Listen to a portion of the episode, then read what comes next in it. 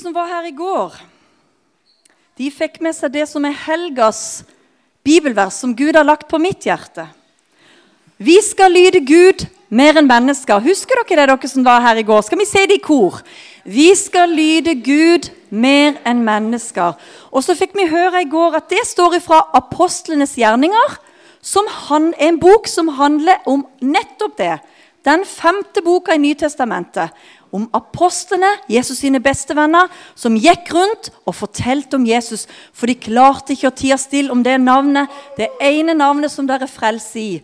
Og de lydde Gud mer enn mennesker, og de ble kasta i fengsel, og de ble piska for det, men de sa vi skal lyde Gud mer enn mennesker. Og nå skal vi bevege oss inn i en annen bok i Bibelen, som er i Gamle Testamentet. Og det er en person i Bibelen som er kanskje den kuleste personen jeg vet om. Den tøffeste personen. Han levde over 600 år før Jesus ble født. Og han heter Daniel. Og hvis vi ble oppe i Daniels bok, for dere som har Bibel, kapittel 1, så står overskrifta der Daniel og vennene hans adlyder Gud. Nå kan du ta neste, Ragnar. Daniel og vennene hans adlyder Gud. Daniel og vennene hans, det var tre venner, de var tatt til fange. De De kom til et fremmed land der de trodde på hedenske guder som krevde både blod og det ene og det andre. Grusomme greier. Her var de i et hedensk land. Og så hadde de blitt tatt til fange av kong Nepukaneser, som var konge i Babylon. Og Han var en de, kanskje en av de største statslederne vi har hatt gjennom alle tider. Han var en despot, han var mye rart, men han var en sterk leder. Og de var tatt til fange fordi det gikk akkurat som Gud hadde sagt over Israels folk, over jødene. Jeg kommer til å holde dom over dere hvis ikke dere vender dere om. Dere gjør så mye galt, sa han til folket sitt. Dere tilber fremmede guder. Dere gjør akkurat det jeg sier at dere ikke skal gjøre. Og så klarte de ikke å vende om for Gud.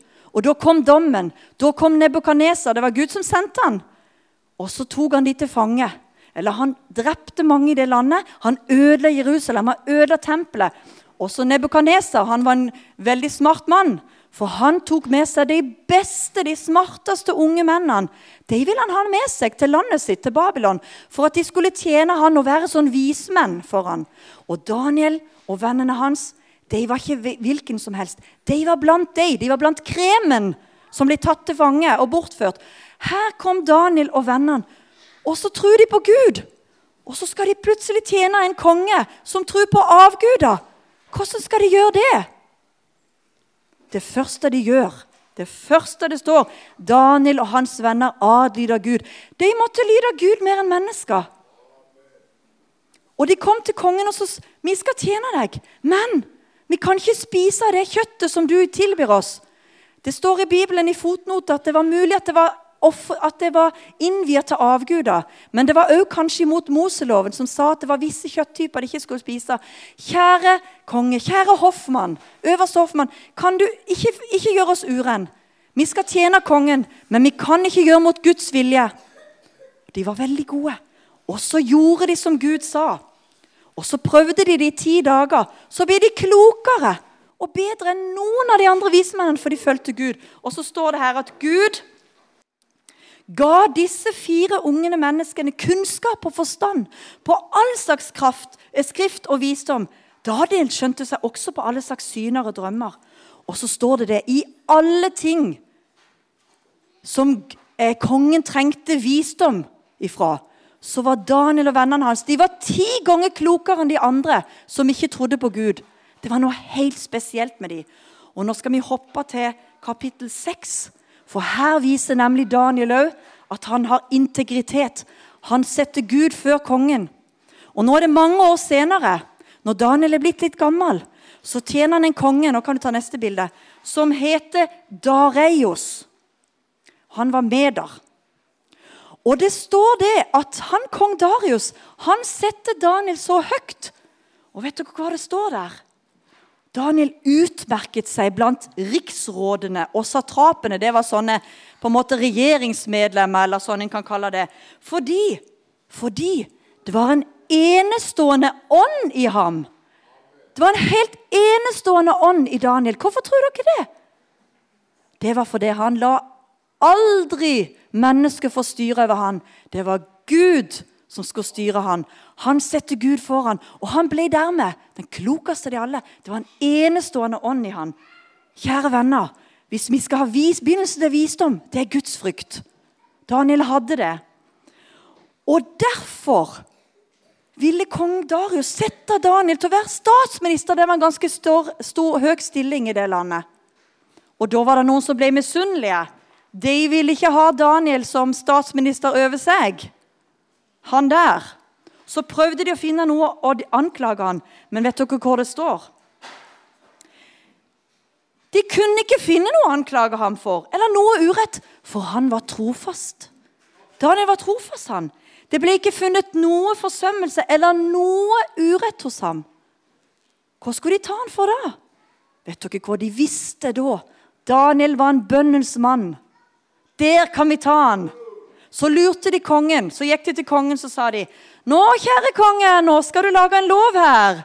Og du vet det, Etter medernes og persernes lov, den lag, loven du lager der, den kan ikke gjøres ugyldig, ikke med ditt ord engang, konge, men gjør det til en lov at alle i hele landet skal kun be til deg, konge, i 30 dager. Det blir så flott, alle skal be til deg. Ingen får lov til å be til Gud. Dette gjorde de for å ta Daniel, for de visste at han setter Gud høyest. Og så står det, Dette er fantastisk. Hva gjør Daniel når han fikk vite om dette her, loven her? Nå skal vi lese vers 11 i kapittel 6. Da Daniel fikk vite at dette skrivet var blitt undertegnet Denne loven var blitt satt. Du skulle kun be til kongen.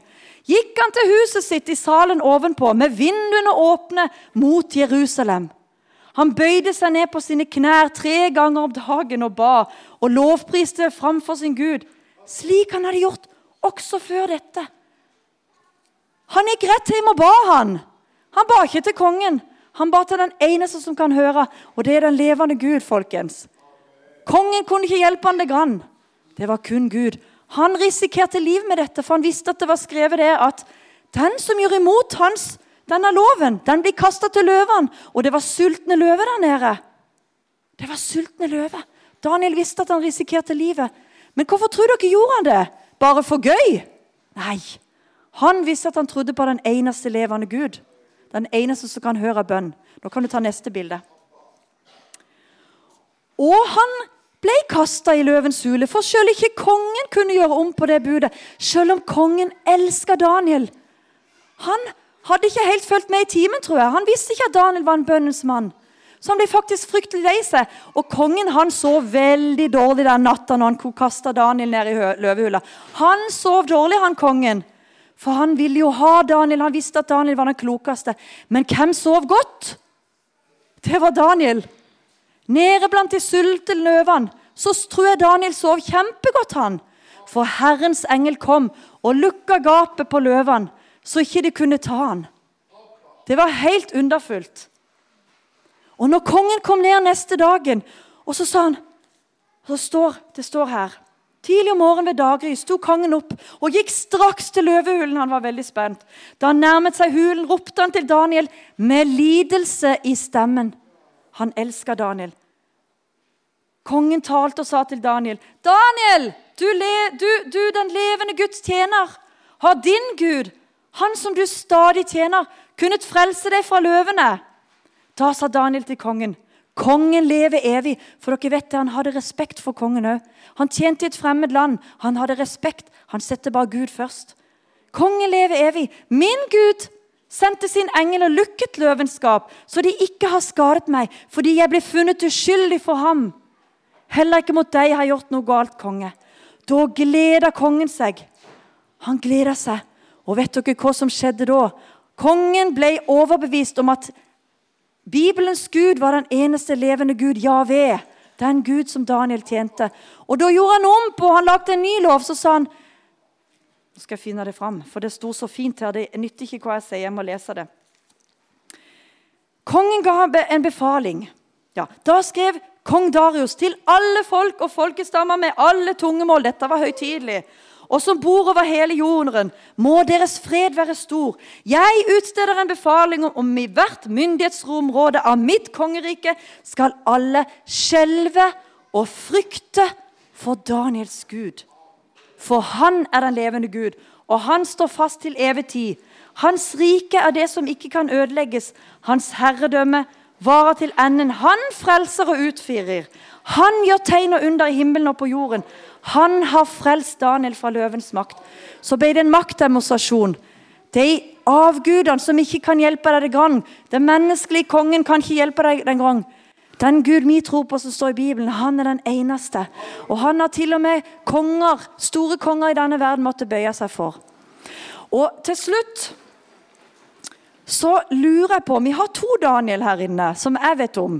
Det er Daniel bak på lysbakeren, og så må jeg bare si det midt i preken her at eh, jeg, fikk ikke det ordentlig i går, men Daniel bak på lydspakerne han har gjort en fantastisk jobb både i dag og i går. Så midt i preken nå så må vi bare gi han en applaus. Fantastisk. Eh, og så har vi Daniel, trom, Tromme-Daniel. Og dere heter Daniel begge to. Jeg lurer på om dere vet hva navnet deres betyr? Gjør dere det?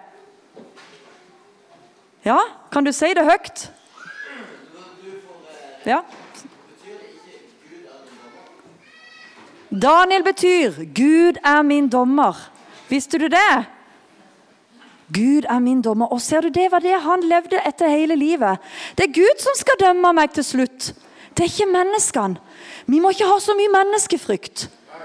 Vi må ha gudsfrykt, for det er han som skal dømmes. Gud er min dommer, og det levde han etter hele livet. Og Hvis dere leser Daniels bok, jeg oppfordrer dere til det. Han, Gud brukte han på en helt underfull måte. Han forutsa at Jesus skulle komme. Han forutsa alle verdensrikene som kom. Og Gud brukte han på underfull måte, bønnens mann Daniel. Kjære venner, vi lever i en underfull, en merkelig tid. Det er nesten ikke noe kulturell kristendom igjen. Vi må, på, vi må, være på, vakt. Vi må være på vakt, dere som går på skole, unger. Kanskje læreren din sier at jorda ble til med smell. Gud skapte jorda. Det var ikke et smell. Har du noen gang sett et smell som lager noe fruktbart? Nei. Alle som husker det, er jo atombomben. Dere vet det. Det skader. Det kan ikke gjøre noe godt. Kanskje det er unger på skolen de som banner. Misbruker Herren din Guds navn. Ikke vær med på det. Stå støtt, vær som Daniel, vær tøff. Lev i verden, men sett Gud først. Gud er min dommer. Kjære Jesus, takker deg for at du er du er den eneste levende Gud. Hjelp oss, Herre, til å følge deg i alle våre veier. Hjelp oss til å lese ditt ord, så vi vet, Herre, hva du ønsker for oss. Hva som er godt for oss mennesker. For det er det du Dine bud er godt for oss mennesker, Jesus. Og vi ber om at du må føre hver enkelt her inne på dine veier opp til himmelen, Jesus. Hjelp oss til å leve som Daniel, at du skal være vår dommer, Jesus, hele livet.